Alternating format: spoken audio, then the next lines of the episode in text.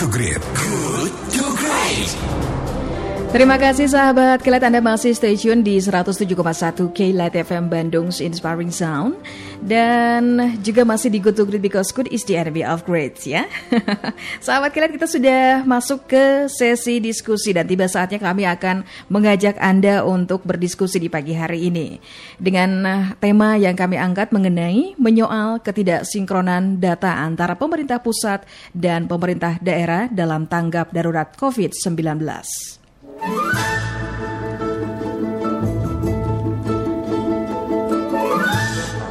Sahabat Kelet, sejak berabad-abad lalu, dunia ilmu pengetahuan sudah mengenal hierarki DIKW atau yang juga sering disebut sebagai piramida DIKW. Nah, DIKW sendiri merupakan akronim dari empat elemen utama pembentuk fakta menjadi teori yaitu data, information, knowledge, wisdom atau data, informasi, pengetahuan, dan kebijakan. Dalam hierarki tersebut, data memang berada di posisi paling bawah, di bawah informasi, pengetahuan, dan kebijaksanaan. Akan tetapi, hal ini eh, juga sekaligus menunjukkan betapa krusialnya peranan data karena menjadi pondasi atau tumpuan bagi elemen-elemen lain di atasnya. Data yang sudah diolah baru akan menjadi informasi. Informasi inilah yang kemudian akan menjadi basis atau dasar bagi pengambilan keputusan. Setelah itu informasi tersebut mesti diproses lebih lanjut sehingga menjadi pengetahuan atau knowledge, sedangkan uh, kebijaksanaan merupakan hasil dari diterapkannya suatu aksi dari pengetahuan. Maka apa jadinya kalau pada saat ini atau pada saat kita dituntut untuk secara cepat melakukan tanggap darurat tetapi basis informasi yang digunakan tidak uh, akurat? Seperti kita tahu setelah Gubernur DKI Anies Baswedan dan Gubernur Jawa Barat Ridwan Kamil mengeluhkan data kasus COVID-19 yang dibuat pemerintah pusat kepada Wakil Presiden, Kepala Pusat Data Informasi dan Komunikasi Kebencanaan BNPB, Agus Wibowo membenarkan bahwa data kasus positif virus corona penyebab COVID-19 yang selama ini disajikan pemerintah pusat tidak sinkron dengan pemerintah daerah. Menurutnya, karena asupan data dari Kementerian Kesehatan yang terbatas. Lalu, informasi mana yang mesti dan layak dijadikan acuan? Apakah perbedaan data antara pemerintah pusat dan pemerintah daerah murni karena alasan teknis pendataan atau merupakan kesengajaan? Maka agar bisa menjadi rujukan yang valid bagaimanakah merekonsiliasi kedua data tersebut?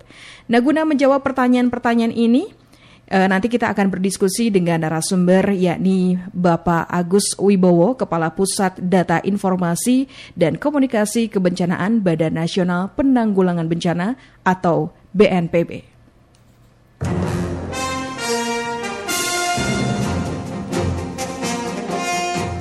Selamat pagi Pak Agus, Assalamualaikum warahmatullahi wabarakatuh.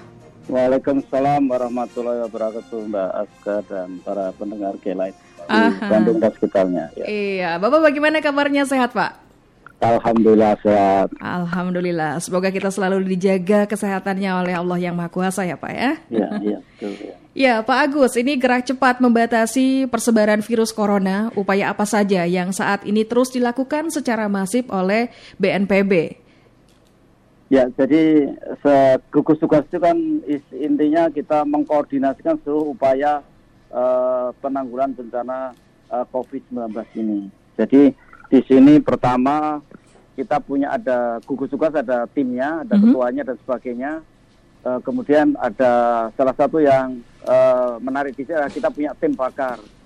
Tim pakar inilah yang merumuskan kebijakan-kebijakan atau standar-standar pedoman-pedoman apa yang harus kita lakukan. Salah satunya tentang masker, tentang cara penanggulangan COVID-19 ini, uh, eh, APD dan sebagainya. Ada standar-standar yang sudah ditentukan dan tentunya kita juga mengusahakan untuk mengerahkan sumber daya untuk membantu daerah-daerah yang membutuhkan misalnya APD atau ke atau kekurangan-kekurangan apa yang dibutuhkan untuk daerah-daerah tersebut. Nah, uh, kemudian salah satunya yang sekarang yang paling baru adalah adanya PSBB, uh, eh, pembatasan sosial berskala besar yang sekarang sudah diterapkan di Jakarta nanti mulai hari Jumat nanti.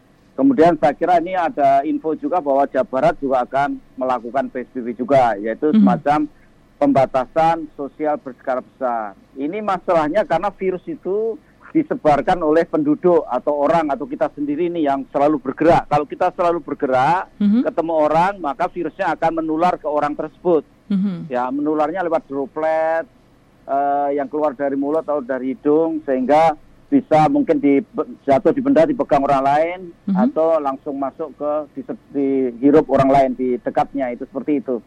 Makanya untuk menghentikan penularan salah satu caranya adalah kita dengan PSBB itu menghentikan dari bekerja di rumah, belajar di rumah, ibadah di rumah dan kegiatan-kegiatan lain di, di dibatasi supaya tidak banyak orang berkumpul dan sebagainya. Itu adalah salah satu bagaimana kita cara untuk menghentikan penularan. Nah, selama dalam di rumah tersebut pemerintah akan melakukan tes yang lebih masif nantinya. Ini Mhm. sekarang kan udah ada tes-tes tapi belum terlalu masif.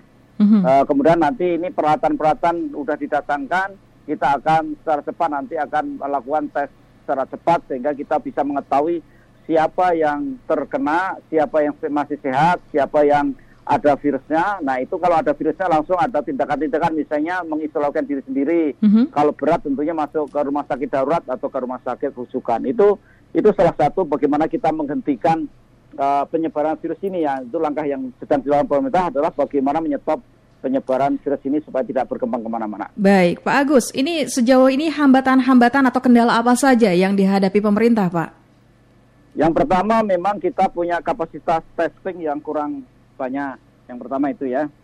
Yang pertama jadi seperti apa ya dikeluhkan eh, memang kurang cepat. Makanya pemerintah mengadakan peralatan baru sehingga nanti bisa mendukung testingnya lebih cepat lagi supaya Mhm. lebih cepat sehingga kita lebih tahu ini di mana saja kemudian langsung dihentikan disuruh isolasi diri atau masuk ke rumah sakit darurat atau masuk ke rumah sakit eh, rujukan terutama untuk yang berat kalau yang ringan bisa diisolasi di rumah masing-masing. Mhm, mhm. Ya, Pak Agus, ini terkait dengan data. Ada keluhan nih dari Gubernur DKI dan juga Gubernur Jawa Barat ya bahwa data yang disajikan oleh Kemenkes belum menggambarkan fakta yang sebenarnya. Ini bagaimana sebenarnya Pak Agus? Ya memang betul karena itu tadi masalah kemampuan testing dari kita. Mhm, Ya, testingnya kan masih belum masif. Nah maunya kan kalau bisa yang eh, mungkin belum menggambarkan. Sekarang kan kita yang dites baru sekitar 13 ribu mhm, orang, kemudian positifnya sekitar 2 ribuan. Nah itu eh, dibilang banyak masyarakat masih kurang banyak testingnya. Tapi ini kan pemerintah khususnya Kementerian Kesehatan ngetesnya kan bukan berdasarkan populasi. Tidak semua orang perlu dites, tapi hanya orang-orang yang kontak. Maksudnya yang ada positifnya kontaknya di mana, mhm. siapa saja yang pernah dekat dia, itu yang dites. Makanya sekarang kita masih baru 13 ribu. Nanti ke depannya akan lebih dimasifkan lagi, lebih banyak lagi. Peralatan sudah mulai berdatangan, sehingga nanti kita bisa melakukan tes yang lebih banyak lagi. Mungkin eh, akibatnya kalau tesnya banyak, kemungkinan besar nanti jumlah yang positif akan banyak juga. Ya, Pak Agus, ini eh, apakah perbedaan data antara pemerintah pusat dan pemerintah daerah tersebut murni karena alasan teknis pendataan atau merupakan, mohon maaf, ada kesengajaan atau bagaimana ya, Pak? Jadi ini tidak ada kesengajaan. Jadi yang pertama, yang mengumpulkan data itu kan di puskesmas. Puskesmas akan ada orang datang atau di rumah sakit ada datang kemudian diperiksa. Diperiksa, oh ini ada tanda-tanda gejala COVID, berarti dia terus dites swab kan. Tes swab sama petugas baik di puskesmas, layanan kesehatan atau rumah sakit. Data tadi akan dikirim ke pusat litbang kesehatan di laboratoriumnya. Apakah laboratoriumnya ada di daerah tersebut, apa ada di Jakarta. Nanti kalau nggak ada di situ akan dikirim ke yang terdekat atau dikirim ke Jakarta. Mhm. Ya setelah data tadi dites sama Kementerian Kesehatan positif, Mhm. baru dilaporkan kembali ke rumah sakit tersebut lagi. Kan dilaporkan rumah sakit. Mhm. Kemudian atau rumah sakit baru dicatat di sana oh ini positif, di Kementerian Kesehatan juga positif seperti jumlahnya. Jadi prosedurnya seperti itu. Jadi datanya memang data itu semuanya dari Kementerian Kesehatan, nggak ada data dari daerah kecuali daerah melakukan tes sendiri. Mungkin bisa berbeda. Data yang Hmm. dicatat oleh Kementerian Kesehatan adalah data yang dites dan data oleh Kementerian Kesehatan dan data yang dilaporkan kalau di daerahnya ada uh, laboratorium juga tentunya akan dilaporkan ke Kementerian Kesehatan juga. Jadi datanya sama semua sebenarnya. Mungkin ada kesalahan teknis saja. Mungkin kalau di Kementerian Kesehatan kan menghitungnya dari jam 12 siang kemarin sampai dan 12 siang 12 siang hari ini. Jadi data-data yang masuk dari jam 12 siang kemarin sampai 12 siang ini nanti akan diumumkan oleh Pak Juri jam 15.13 sore. Mhm. Jadi kalau data-data masuknya di setelah jam 12 ya tidak masuk, tidak akan diumumkan hari ini, akan diumumkan mungkin besok. Ah, itu bisa menimbulkan perbedaan-perbedaan data itu suatu yang biasa karena memang ada proses penghitungan, ada target-target waktu kapan diumumkan dan sebagainya mungkin bisa menimbulkan eh, tidak sama. Eh, ada juga yang data seperti kasusnya PDP. Di daerah kan di PDP, kemudian diambil sampelnya, sampelnya dikirim ke Kementerian Kesehatan Mhm. untuk dites. Itu kan wak- perlu waktu oh, sekitar 5 sampai 7 hari keluar. Nah, kadang-kadang PDP itu udah meninggal. Oh. Banyak kan kasus seperti itu. Nah, di PDP yang meninggal itu belum tahu ini positif atau negatif. Nah, di daerah sudah dicatat sebagai meninggal. Di Jakarta kan belum dicatat, dia belum tahu positifnya. Nah, itu bisa juga menimbulkan perbedaan-perbedaan seperti itu juga. Jadi ini memang ada banyak proses-proses yang karena lambat ini sehingga eh, pemerintah mendatangkan peralatan-peralatan bisa cepat nanti testingnya bisa lebih lebih dipercepat lagi datanya sehingga nanti lama-lama akan sinkron. Jadi datanya sama juga, cuma mungkin karena kendala teknis sehingga belum bisa sinkron saja. Oke, Pak Agus, ini eh, benarkah dugaan dari Kemenkes cenderung, mohon maaf, eh, tertutup, eh, menjadi simpang siur? Ini bagaimana persisnya menurut Anda? Jadi data itu ada beberapa klasifikasinya yang eh, rahasia, termasuk data-data nama dan sebagainya memang tidak boleh dibuka untuk semua orang. Seperti kan banyak kasus, sekarang misalnya banyak kasus orang meninggal aja nggak mau terima kampungnya karena dia COVID.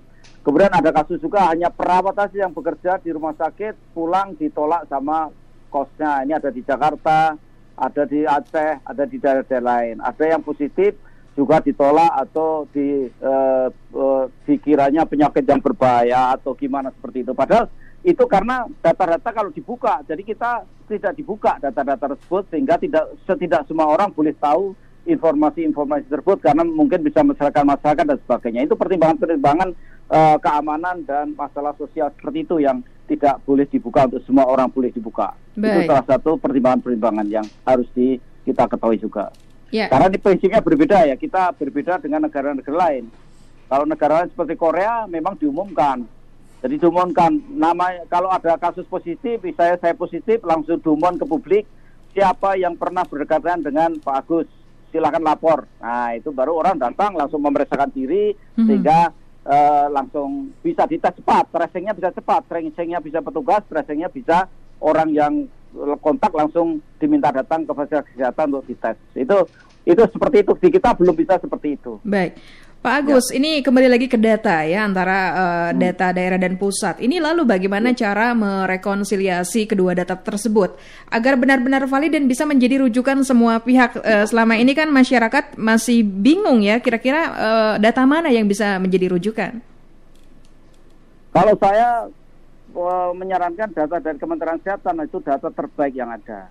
Jadi kalau ada data-data dari Kementerian eh, dari pemerintah daerah bisa sebagai rujukan juga, tapi kita perlu melihat dari dari Kementerian eh, Kesehatan karena dia yang ngetes kecuali di daerah-daerah melakukan tes sendiri dan tidak dilaporkan. Kalau daerah melakukan tes sendiri tidak dilaporkan ya Kementerian Kesehatan tidak tahu juga.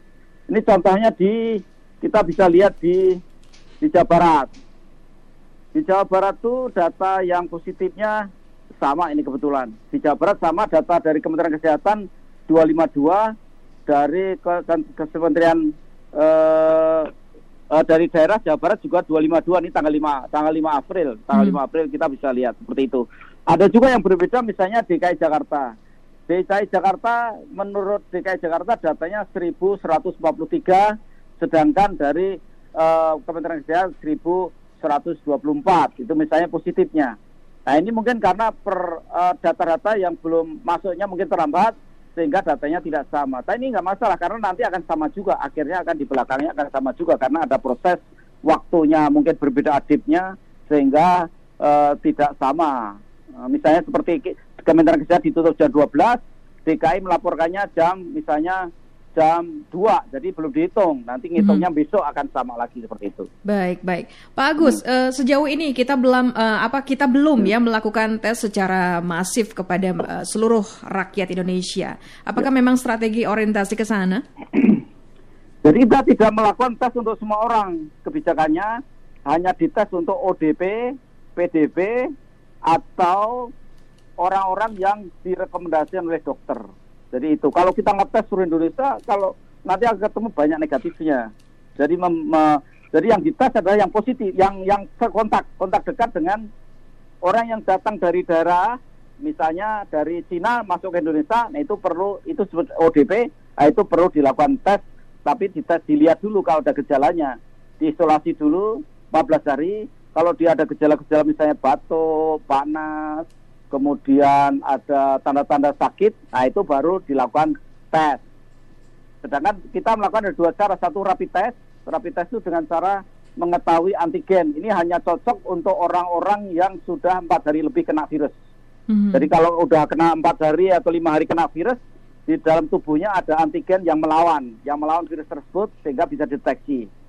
Nah, kemudian kalau yang paling akurat dengan PCR tadi, PCR tadi diambil dari hidung sama di tenggorokan cairannya, kemudian diuji di lab untuk diketahui ada virusnya atau enggak. Itu yang paling cepat, yang paling akurat ya, dengan cara pakai swab. Swab tadi itu yang paling bagus. Jadi tidak seluruh penduduk Indonesia perlu dites, tapi hanya orang-orang yang memang kontak dekat dengan uh, penderita positif atau berasal dari daerah yang uh, terjangkit. Misalnya dari penduduk Jakarta ini kan dianggap Jakarta ini sudah terjadi mm-hmm. uh, penularan lokal.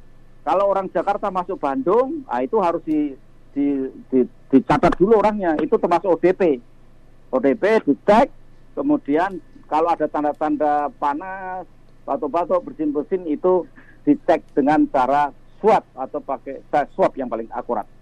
Baik, baik. Ya. Pak Agus, ini yang terakhir Pak Agus. Uh, Dengan masih minimnya jumlah orang yang melakukan tes, apakah BNPB tidak khawatir jumlah sesungguhnya orang yang terinfeksi layaknya fenomena gunung es?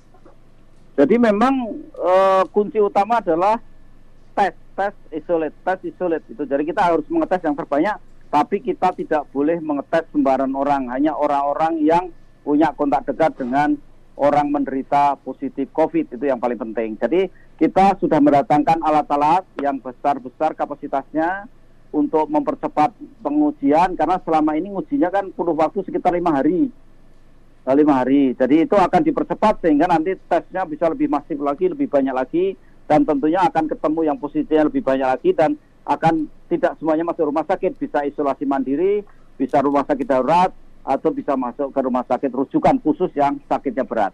Baik, Pak Agus, terima kasih untuk bincang-bincang kita di pagi hari ini. Mudah-mudahan ini membuka cakrawala kita semuanya dan juga uh, ini uh, menjadi satu hal yang kita harus selesaikan secara gotong royong bersama-sama ya Pak Agus ya. Betul betul. Jadi ini harus gotong royong dari jadi pertahanan terdepan. Ini kalau kita berperang, pasukan-pasukan garis depan itu adalah kita sendiri. Baik. Iya. Kita menghadapi, jadi kita pertama jurus yang pertama yang harus diterapkan seseorang disiplin pakai masker, cuci tangan pakai sabun itu adalah jurus pertahanan pertama yang harus semua orang harus melakukan. Baik. Dan jangan jangan dekat dengan orang-orang yang uh, yang yang ada jangan terlalu dekat jaga jarak itu yang paling penting. Baik, Pak Agus terima kasih uh, untuk bincang-bincangnya, sukses untuk anda dan sehat untuk anda. Assalamualaikum warahmatullahi wabarakatuh. Waalaikumsalam warahmatullahi wabarakatuh. Baik, sahabat kita demikian eh, bincang-bincang kita bersama dengan Bapak Agus Wibowo selaku Kepala Pusat Data Informasi dan Komunikasi Kebencanaan Badan Nasional Penanggulangan Bencana atau BNPB. Nah, sebagai civil society pemilik kekuasaan tertinggi yang memberi mandat kepada negara dan pemerintah, Anda kami undang untuk saling bertukar ide dan gagasan agar dapat saling memperkaya wawasan. Nah, ketika data yang disajikan oleh pemerintah pusat tidak cocok dengan data pemerintah daerah, menurut Anda mana yang mesti menjadi acuan. Silakan sahabat Kilat Anda bisa menyampaikannya melalui WhatsApp Radio Kilat FM di 0812 2031 972.